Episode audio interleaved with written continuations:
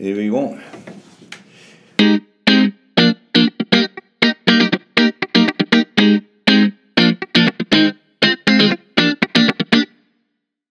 Idag ska vi göra något så spännande som att eh, ta ett ämne som är baserat på en lyssnarkommentar, en lyssnarfråga.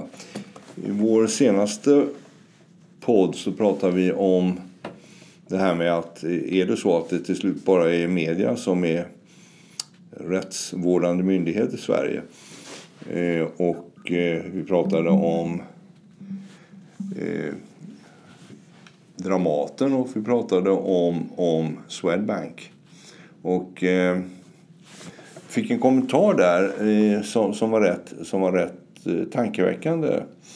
En av våra lyssnare som sa så här, ja, lät väl rimlig men det finns ju punkter där, där den privata moralen ändå måste tas hänsyn till och kanske vara viktigare än, än att bara kunna skydda sig bakom lagen. Och så är det naturligtvis. Jag tycker det var en, en, en, en spännande kommentar.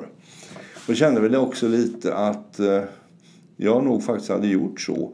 Inte bara i diskussionen utan även i verkliga livet. Att jag har gjort det lite lätt för mig i några fall och, och tagit skydd bakom lagen och, och låtit den avgöra en fråga som naturligtvis har en privatmoralisk och etisk dimension som, som man då kan smita undan genom att säga ja men lagen gäller.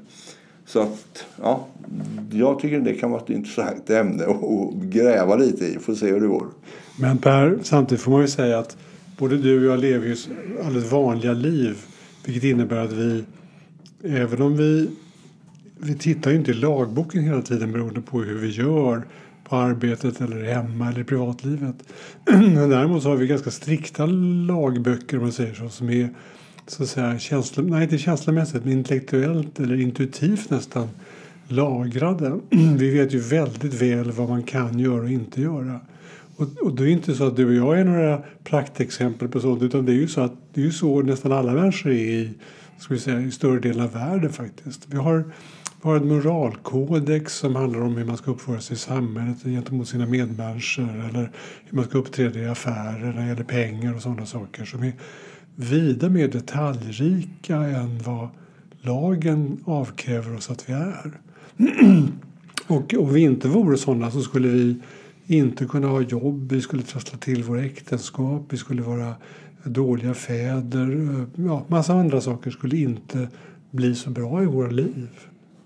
Jo, nej, men självklart är det så att, att eh, man har en inre kompass som sköter huvuddelen av eh, styrningen av etiken och moralen. Men, men jag blir ändå lite, lite eh, nyfiken på mig själv av den här kommentaren. Är det så att eh, jag i några fall där, där jag ställs inför direkta utmaningar typ avgöra om man ska låna sig till att ge ut det ena eller det andra. Att man gjort lätt för sig och säga så ja, det är lagligt så jag gör det. Eh, kanske därför att i vissa lägen har det varit så att valet har varit att göra det inom lagen och att inte göra det och ta ganska stora konsekvenser av att inte göra det. Och då, då växer den här frågan var i den här gråzonen eh, måste man låta den privata moralen och etiken ta över? Jag menar, i fallet Auschwitz är det ju uppenbart. Följer du order och lag så, bo, så begår du brott mot mänskligheten. Så där kan du inte följa lag och order. Eh, men så långt, långt hit om det sådana gruvligheter så finns ju sådana saker som kan man ge ut pornografi även om det är lagligt? Kan man, eh, för att ta en, ett konkret exempel. Du tänker på oss med i utgivningsbranschen att man hamnar i, eller har varit i alla fall, att man hamnar i den typen av av uh, dilemman så att säga. Det är lagligt att skriva det här, ge ut det här men, men men ska man göra det i alla fall? Ja, och, det är så intressant också för man har ju varit med om en tidsresa där det som var påbjudet på mitten av 60-talet och fram till början på 80-talet eh, börjar bli det mest förbjudna. Jag menar, då uppmuntrades vi ju att vara lite lössläppta. Mm. Och nu så är vi tillbaka in i en form av nymoralism. Och det är klart att min privatmoral är nog väldigt färgad av att jag var ung på 70-talet. Mm. Och en del av de här trigger warnings och annat anständighetsnormativt som, som dyker upp nu tycker jag är direkt olämpligt. Det går mot min privatmoral för jag tycker att det är sippt och, och eh, ja, nymoralistiskt. Alltså det är en intressant fråga. Det finns många dimensioner i den. Den här förändringen är intressant. Tänker på. När det gäller sex och porr så är den väldigt... Uh, men den är tydlig. Från att 60-70-talet var allting som var mer sex alltid bättre på något sätt.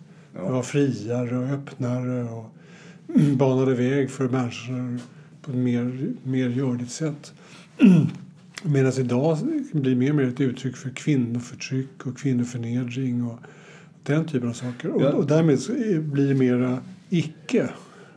Det där är väldigt intressant. Därför att vad jag nu får lära mig när man läser och diskuterar detta med, med, med sex i efterkanten av metoo. Det är ju det att mycket av det som vi uppfattade som frihet mm. på 70 och 80-talet det var ju någon form av dolt kvinnoförtryck. Alltså vi, tidsandan var sån att kvinnor trycktes på ett sätt att vara som var positivt för patriarkatet för de kunde dra fördel av det sexuellt.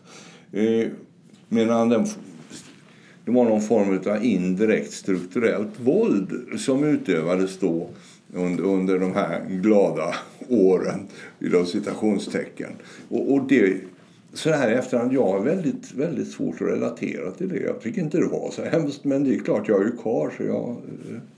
Nej, men det, allting har väl ett, alltså man, man tittar väl på saker och ting med olika ögon på något sätt. Och, det, och jag menar, läser man Susanne Brögger så var det inte alls det det handlade om. Utan hon, det är ju snarare så att kvinnan fick möjlighet att, att vara en annan ja, att, vara, att leka annorlunda liksom i, i det öppna, fria sexlivet. Och det tror jag hon håller fast vid. Ja, alltså, det låter ju betryggande. För hon är ändå en person som, som har ska jag säga, credibility både i den mm. patriarkala och i den feministiska världen. Så att, ja.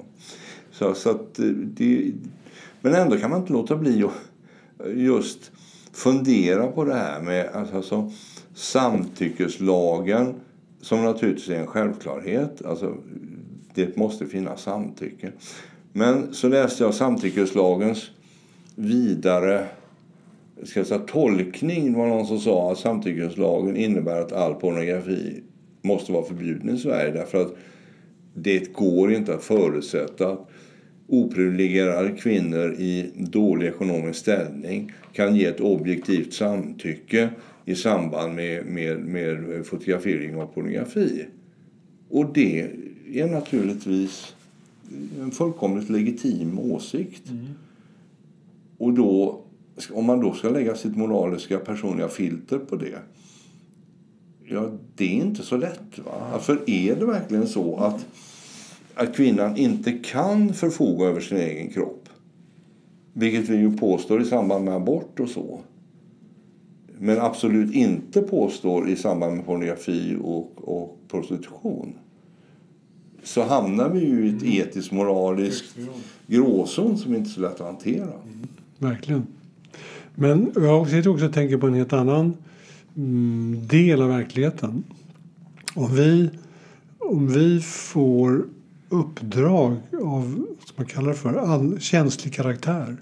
Hur ska vi förhålla oss till det? Om vi, som vi tänker oss här det är ju lagligt att, att sprida PR om till exempel pornografi eller vapen eller tobak eller alkohol. Ska vi då alltid göra det?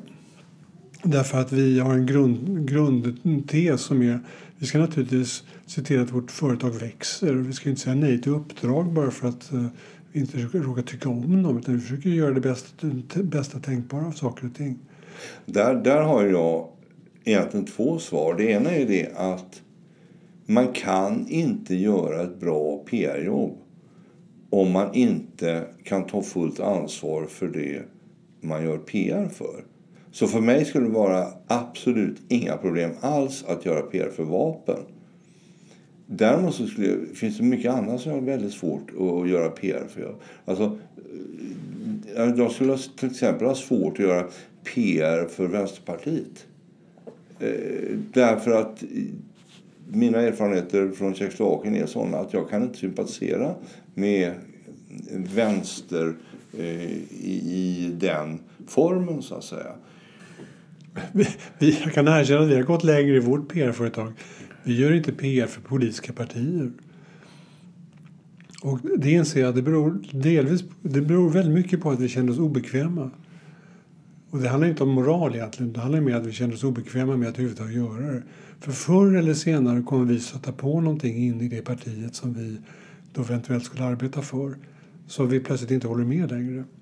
Mm. Alltså varje parti har ju alltid någon uppsättning. Och då menar jag inte något skumrask utan bara med en hållning eller en, en samhällssyn eller en del, en delsamhällssyn som vi faktiskt inte tycker. Vi tycker inte de här frågorna mm. på samma sätt som partiet. Och därför skulle vi hamna i en omöjlig situation. Det där, det där är intressant. Då, då gör man en praktisk tillämpning av ja. sin etik och moral. Man ja. säger vi kan inte göra ett fullgott jobb därför att det här kommer att skapa skavsår mm. i organisationen och mm. hos mig själv. Mm. Och det tror jag är en väldigt bra ledstjärna. Alltså det är ju samma sak. Jag skulle, in, jag skulle kunna hålla, göra PR för Saab utan att blinka. Mm. Jag skulle ha väldigt svårt att göra PR för Miljöpartiet därför att jag tycker att de har en världsfrånvänd inställning till, till miljön. Mm. Även om man kan sympatisera med någon, sorts grundhållning att ekologi, ekologisk balans är bra. Absolut. Va? Och, och, och det, det kommer in på det du säger om, om politiska partier. Ja, så går man vidare i, i den här skalan då. Jag skulle naturligtvis ha svårt att göra PR för porr. Alltså, eller, eller Milton och gänget, och han, ju, han har ju lagt av med det nu, men, men om han hade bett mig att göra PR. Mm. Men å andra sidan så skulle jag ju väldigt gärna göra PR för fransk film. Mm. Och det är klart att det finns ju ett antal gränslandsprodukter, men då låter jag, då låter jag, då ska jag säga, min syn på det konstnärliga skapandet och, och eh, syftet bakom filmen stå över den, ska vi säga, eventuella pornografiska komponenten i, i dessa filmer. För att det är klart att det finns filmer i den, eh, ska vi säga, kvalitetsfilm, konstfilm som vissa människor skulle kunna uppfatta som rent pornografisk. Mm. Och den skulle jag inte ha något problem alls att, att göra PR för. Eller... Pornografisk, alltså anstötlig på något sätt? Eller något. Ja, alltså, mm. ja, men, tänk en sån sak som nu eh, Nabokovs bok Lolita. Mm, just det. Som jag har läst. Jag har säkert läst den i samma ålder som själva Lolita. Eh, men eh, av spänning, eh, skäl så att säga. Jag måste säga att jag, trots att den naturligtvis är mycket pedofil mm. så ska jag inte ha ett dugg svårt att sälja den boken mm. och förlägga den. Alltså, därför att jag tycker att verket står över ska vi säga, dagsformen på moralscenen. Mm. Och det kanske är omoraliskt, men det tycker jag. Då måste jag väl säga vad jag tycker. Så att säga. Det är också en moralisk plikt. Ett annat dilemma som vi inte har råkat ut för, men vi skulle kunna göra, det är eh, propaganda för alkohol.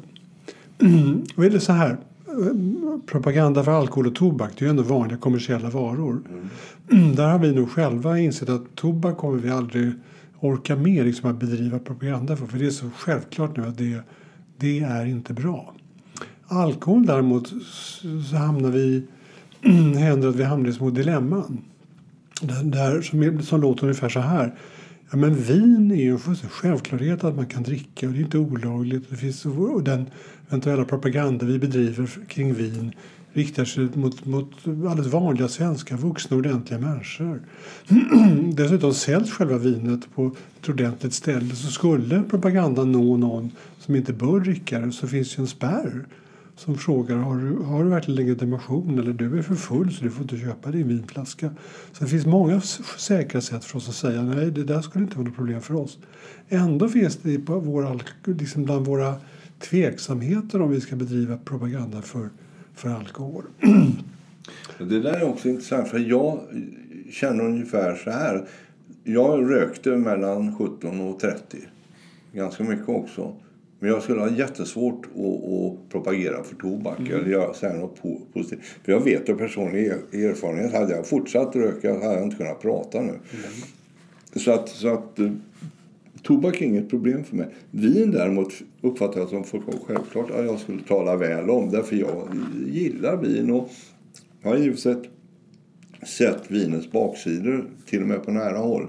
Men, men, eh, men eh, tycker ändå att det är en sån självklar del av vår, vår civilisation så att jag, jag har svårt att, att tänka mig att det är så illa så att jag inte skulle kunna prata väl om det.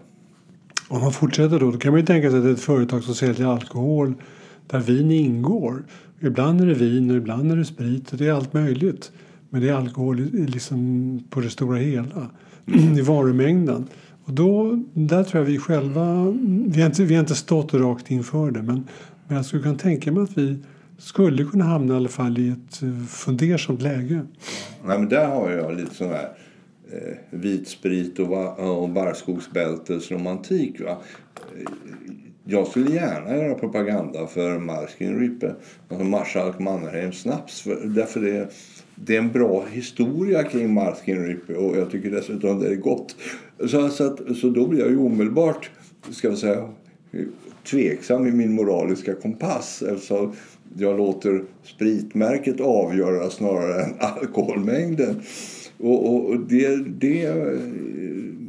Ja, så nej, så jag kan inte säga att annat än att alkohol, ja. Tobak, nej. Cannabis, absolut nej. Om, vi, om man hårdrar det lite grann, för vi var i närheten av ett projekt en gång. så, så, om det då handlar om starksprit och själva propagandauppgiften är skatt, förlåt, skatten på starksprit bör sänkas. Då märkte jag att vi själva hamnade i ett lite mer brydsamt läge. Ehm, därför frågan blev så konkret. Och och eh, det var inte, handlar inte om att vad ska man säga, att mm, verka för en viss vara och sånt, utan det blev lite mycket mer komplicerat.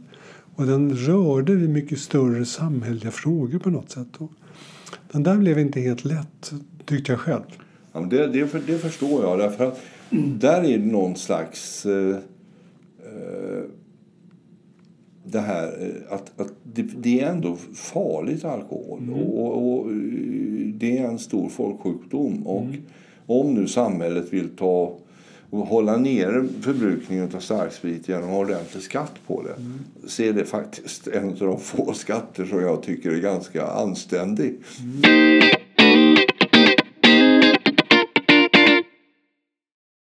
Om vi fortsätter och tänker igenom hur det är när man sitter i bilen så finns det ju lagar som är väldigt tydliga när det gäller till exempel hur fort man får köra och var man får parkera och hur mycket man ska betala när man parkerar.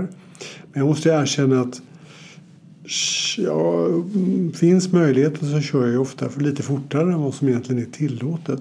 Och det är på något sätt som att jag låter min egen moral gå, liksom vägleda mig på något sätt. Om vägen är tom och det är torrt och det är inga inga älgar och inga andra trafikanter så nog kör jag fortare än vad hastighetsbegränsningen tillåter. Jag kan nog erkänna att jag tillåter bilen att parkeras på ställen där kanske inte borde stå för länge och sånt där. Därför jag tror att äh, det spelar inte så stor roll. Det är inte rusningstrafik eller, eller ännu värre, det är, inga, det är inga parkeringsvakter i närheten så jag kan säkert stå här ett kort tag. Alltså där låter jag den privata, det privata ställningstagandet bli vägledande för hur jag gör och, och inte lagen. Och jag är inte riktigt säker på att det är, är rätt att göra så. Eller hur, hur? Ja, det, det intressanta med den här frågan är ju det att den blir ju egentligen inte en moralfråga utan en praktisk fråga. Vi reducerar den ifrån... Alltså, innerst inne så är det en moralisk fråga. Ska man utsätta andra människor för risk och så vidare genom att köra för fort? Men när man sitter där i bilen då omvandlar man det från en moralisk ställningstagande till ett praktiskt. Igår körde jag till Arlanda. De har ändrat hastighetsgränserna så att nu är det 80 nästan hela vägen ända ut. Ja, jag tror det är 80 bort till bredden eller, eller så. Och då inser jag det att alla kör för fort. Ingen kör 80. Alla kör enligt den gamla hastighetsgränsen som var väl 100. Och om jag då ska välja att ligga i 80 då får jag göra det moraliska ställningstagandet. Ska jag reta upp tusen andra bilister? Eller ska jag hänga med och köra då i 98? Och det kan jag erkänna att, att jag faller ju för min tolkning av världens önskemål. Så jag kör också 98. Och det, det är klart att, att eh, det är på ett sätt omoraliskt i förhållande till det allmänna bästa och till lagen. Men på ett annat sätt så är det, man skapar mycket mindre irritation genom att inte reta de andra tusen medtrafikanter som kanske också skulle kunna skapa friktioner som gör att det blir farligt. Men, ja. men, men det finns, och jag tänker, om man fortsätter så kan jag tänka mig så här. Ja, jag skulle helst inte vilja köra mycket fortare än hastighetsbegränsningen när mina egna barn, alltså mina numera vuxna barn, finns med i bilen. Det, där är också, det blir ännu krångligare. För att det är en sak att jag själv då tar lagen i egna händer på något sätt. Men jag, vill, jag skulle inte vilja att mina barn lärde sig att göra det. Jag skulle hellre vilja se att mina egna barn är mycket omdömesfulla och, och att de har lärt sig hemifrån att vara omdömesgilla och, och inte köra för fort och inte parkera fel och, och definitivt inte ta lagen i egna händer. Alltså det blir ännu krångligare för min del måste jag ärligt erkänna. Då, då tar du ett något starkare moraliskt ställningstagande än jag gör. För att jag kör nog ungefär likadant om barnen är med som om jag, även om de var yngre, som jag kör själv. Möjligen undantagandes en vårnatt klockan två när ljuset är fint och det är torrt på vägen om man kör mellan Östgötaporten och Jönköping. För då kan man kanske ha gjort saker som jag inte skulle gjort om barnen hade varit med i bilen. Men bortsett från det så... Jag inbillar mig att jag kör så säkert och omdömesgillt som situationen kräver. Och det innebär det att, att mina barn kan åka med i det. Sen kör jag ju inte så där jättemycket för fort utan jag kör så där slarvigt 6% för fort mm. som man fick göra förut utan mm. att få böter. Mm. Nu får man tydligen böter på 2% för fort så, så man ligger ju lite, lite och, och chansar. Men, men, men eh, ja. Lite, lite knöligt ändå tycker jag. Det här. Alltså det, jag kan inte riktigt försvara det för mig själv därför att man får väl finna sig i att vägmyndigheter och polismyndigheter bättre bedömer väg och trafikförhållanden än vad jag gör. De har mer statistik och de är kunniga än vad jag gör. Utan det, det jag gör är att jag i högsta grad bedömer det hela utifrån rent själviska synpunkter snarare än trafikmässiga eller säkerhetsmässiga. Jag vill komma fram i tid eller jag vill hem och äta middag eller jag har ingen lust att köra så här sakta eller sådana saker utan, utan att egentligen göra någon riktig bedömning av det hela. Men det är intressant för trafiken är väl nästan det enda område där man medvetet och eh, åtminstone veckligen bryter mot lagen. Alltså, det finns ju inga andra egentligen områden än trafikområdet där man liksom gå mot röd, röd gubbe varannan dag. Nej. Men egentligen, egentligen började den här diskussionen i motsatsen. Att vi tänkte så här, ja men det finns ju mer moral och egna regler eh, som, som, så att säga, som vi åtar oss långt utöver vad lagen egentligen avkräver oss. Och då undrar jag om det finns motsvarande inom trafiken. Alltså finns det andra trafikhänsyn eller regleringar eller begränsningar som vi drar på oss ut, som, är, som är liksom går utöver själva lagen? Ja, det finns en väldigt tydlig och det är det. Jag dubbelparkerar inte. Mm. Trots att jag vet att lapplisorna får inte lappa en dubbelparkerad bil utan för det är trafikbrott så det ska polisen lappa. Eh, och på Östermalm så är det ju konsekvent dubbelparkerar ju folk. Eh, men det gör inte jag därför då tänker jag att sopbilen ska också kunna komma mm. förbi. Alltså, där, där gör jag någon form av privat kalkyl som råkar hamna i harmoni med lagen. Ja, eller till och med... Ja, just det. det, det harmoni med lagen blir det ju. Men det går också över... Du är lite mer ordentlig så att säga än vad den vanliga Östermalmsbon är. Ja, av någon form av eh, solidaritet med trafikens framkomlighet. Privat tolkning av det. Jag funderar på en annan sak och det är det här med, med innan, innan lagen kom om att man inte får använda mobiltelefonen i bilen så hade jag varit själv varit inblandad i så mycket diskussioner om det här så jag insåg plötsligt att jag ska faktiskt inte hålla på och dribbla med telefonen när jag försökte köra. Därför att jag är, utgör faktiskt en trafikfara. Det visserligen var det tillåtet i Sverige längre än vad det fanns än vad det var i övriga Europa. Men det var ju så uppenbart att det faktiskt var rätt farligt. Det kommer man in sig själv när man, man i någon egendomligt tillstånd försökte läsa sms och sådär. Så, man, så att när man gled sakta framåt ett rött ljus och så, så insåg man att det här är ju totalt livsfarligt. Alltså, tillåtet men väldigt, väldigt dumt. Här måste jag faktiskt begränsa mig själv. Ja, det, där, det där måste jag säga, det, det insåg jag också. Jag satt och textade någon gång när jag körde bil och så insåg jag det. Men det här är ju, det här är ju fullkomligt, fullkomligt o... Ja, det är helt ohållbart. Så här kan man inte göra. Nej. Och så slutade jag med det. Mm. Men jag kan erkänna det att svara på samtal gjorde jag nog ända fram till det blev förbjudet. Förbjudet, ja. Mm. Ja, det, det beror lite grann på hur man har telefonen, att man har den i öronsnäcka eller sådana saker också. Ja. Men, jag märker, men jag tänkte på det, att bara ta upp telefonen ur att, för jag hade aldrig något sånt. Utan ta upp telefonen ur en ficka eller bara den ligger bredvid mig. Gör ju att jag har någon nanosekund när jag faktiskt inte tittar rakt fram. Mm. Jag vet faktiskt inte vad som händer. Det där måste jag liksom lägga av med. Ja, men det intressanta är de här små eh, grejerna inom citationstecken. De kan bli ganska intressanta moraliska utmaningar de också. Det är inte bara de stora frågorna eh, där etik och moral eh, och lag ska vi säga, kommer i lite friktion med varandra. Mm, det är bra. Ska vi, ska vi stanna där? Ja.